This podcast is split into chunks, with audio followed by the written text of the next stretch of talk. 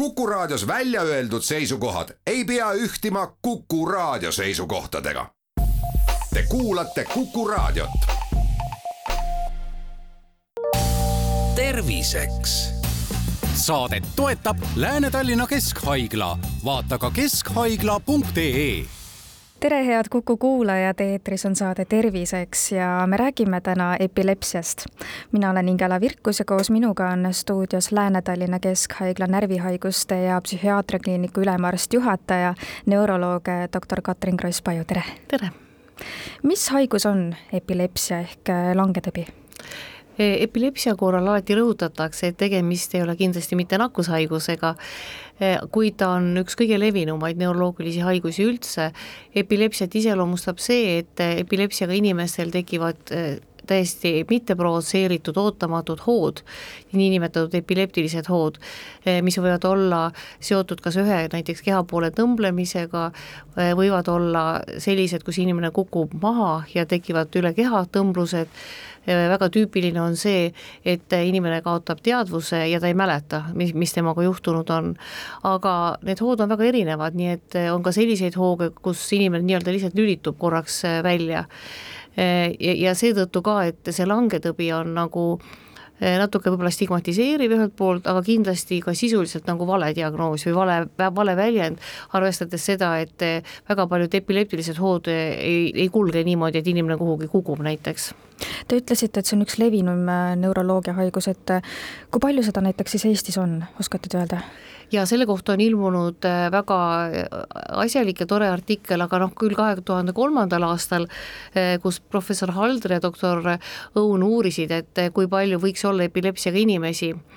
ja nad piirdusid Tartu linnaga, et andmed oleks võimalikult täpsed ja nad avastasid, et siis saja ühe, sada, umbes sada üks tuhat inimest elab Tartus, et seal on siis kaheksakümmend üks epilepsia diagnoosiga inimest. aga see küsimus on selles suhtes väga palju keerulisem, et meil on väga hea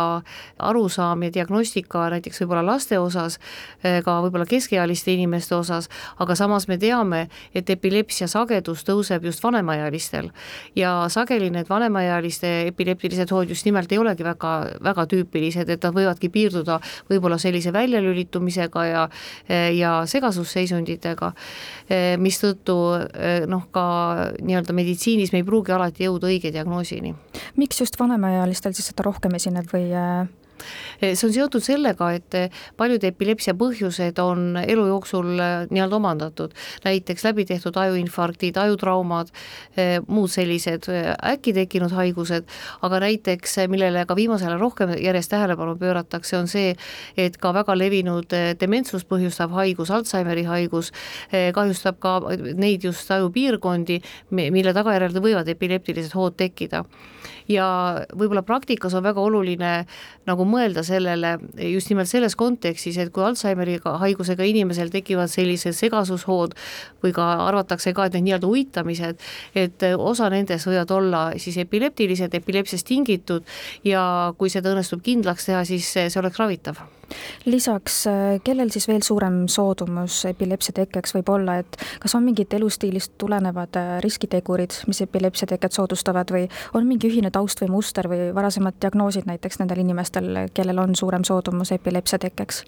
Äh, jaa, et ajutrauma järgne risk on kindlasti suurem, samuti insuldijärgne risk on suurem, noh, sarnaselt ka lastel, et võimalikud ajukahjustused, mis neil on tekkinud. Ja nagu nimetatud siis ka, et noh, näiteks Alžeimeri haigus aga noh, kindlasti noh, me peame ka seda silmas pidama, et epilepsia ei ole enda tehtud haigus piltlikult öeldes. et noh, tõsi, et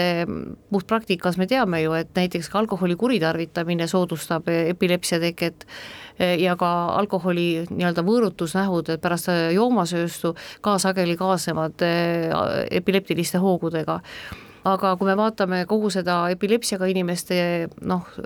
populatsiooni või inimesi tervikuna, siis kindlasti me ei saa noh, nii-öelda näpuga näidata ja öelda, et inimesed ise on midagi teinud, et nendel nüüd epilepsia on. ja täiesti eraldi grupp on väga haruldased, aga järjest noh, me mõistame ka seda gruppi paremini, on need niinimetatud pärilikud epilepsiad, et järjest rohkem ikkagi leitakse ka spetsiifilisi geene, mis on siis seotud eh, teatud epilepsiatega, aga tervikuna need on väga-väga haruldased mis äh, epileptilise hoo käigus siis peaajus täpsemalt toimub? Noh, tekib selle bioelektrilise aktiivsuse tõus, need, need, see aktiivsus laieneb üle terve peaaju ja reeglina siis tekib inimesel siis teadvuskaotus või vähemalt ka siis juhtunu kohta amneesia või ta ei mäleta, mis juhtus. ja, ja sõltuvalt sellest, et mis piirkond on üleärritatud, sõltuvalt sellest me näeme ka sümptome. kui, kui kogu epilepsia hoog piirdub ühe konkreetse piirkonnaga, siis võibki tekkida selline ühe keha poole tõmblus, mis mõne aja jooksul vaibub. kui see elektriline või epileptiline aktiivsus on üle terve peaaju, siis sellega kaasneb ka teadvuskaotus ja sellega kas või hetkeline selline väljalülitumine ja sellega võivad siis kaasneda ka eh, noh, nii-öelda need suured krambid või noh, kui inimene siis kukub ja nii-öelda tõmbleb aga see võib juhtuda ka nii, et algab justkui sellest ühest kohast, epileptiline hoog, aga, aga ta levib, nii et võib alata siis tõesti mingite konkreetsete sümptomitega, aga niipea, kui see epilepsia levib üle terve peaaju, siis tekib ka see üldine nii-öelda generaliseeritud hoog. millised on siis kõige need levinumad sümptomid lisaks sellele, et võib tekkida tõmblus, aga te ütlesite ka, et ei pruugi seda üldse tekkidagi?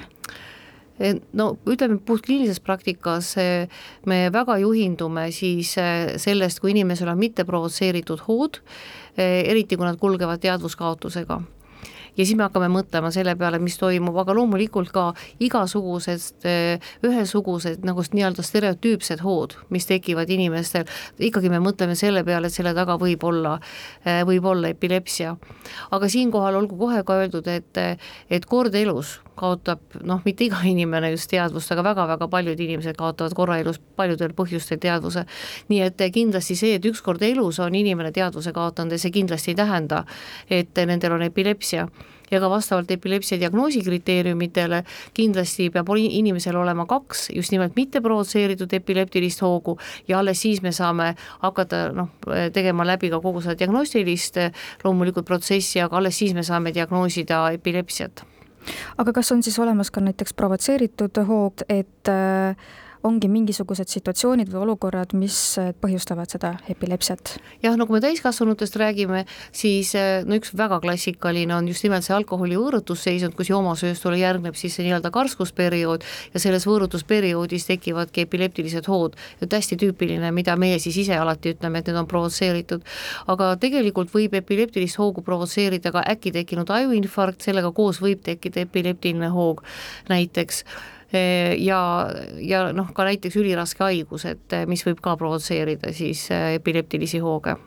kas epileptilised hood on eluohtlikud? see on selles mõttes üks väga hea küsimus, et kuna epileptilisi hooge on noh, niinimetatud seinast seina, siis kindlasti need hood, kus inimene ei kuku, et kindlasti need ei ole eluohtlikud. samal ajal me teame ka, et kui ka inimesel on see niinimetatud generaliseeritud hoog, kui nad on tõesti maha kukkunud ja need tõmblused on üldised, ka see hoog ju läheb tegelikult enamasti ise üle. nii et kokkuvõttes tavaliselt me räägime siis nii, et kui noh, uue epilepsia ja väga raskete hoogude, sagedaste hoogude epilepsia on põhjustanud mingisugune ajuhaigus, näiteks ajupõletik, siis see viitab, et see ajukahjustus on üsna raske ja see on täiendav nagu eluohtlik faktor. aga üldjuhul noh, ei nagu ei ole justkui need hood eluohtlikud, aga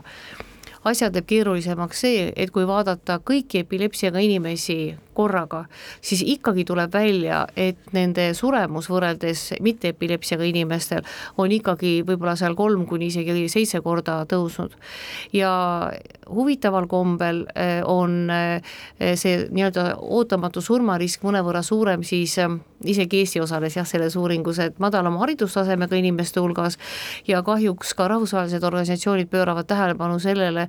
et ka kahjuks võib-olla arengumaades on see, see surmarisk suurem. ja see kindlasti on osalt seotud ka sellega, et ehkki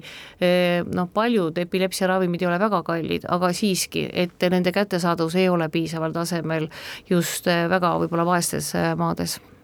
me jätkame oma vestlust juba homme kell neliteist nelikümmend viis terviseks. saadet toetab Lääne-Tallinna Keskhaigla, vaata ka keskhaigla.ee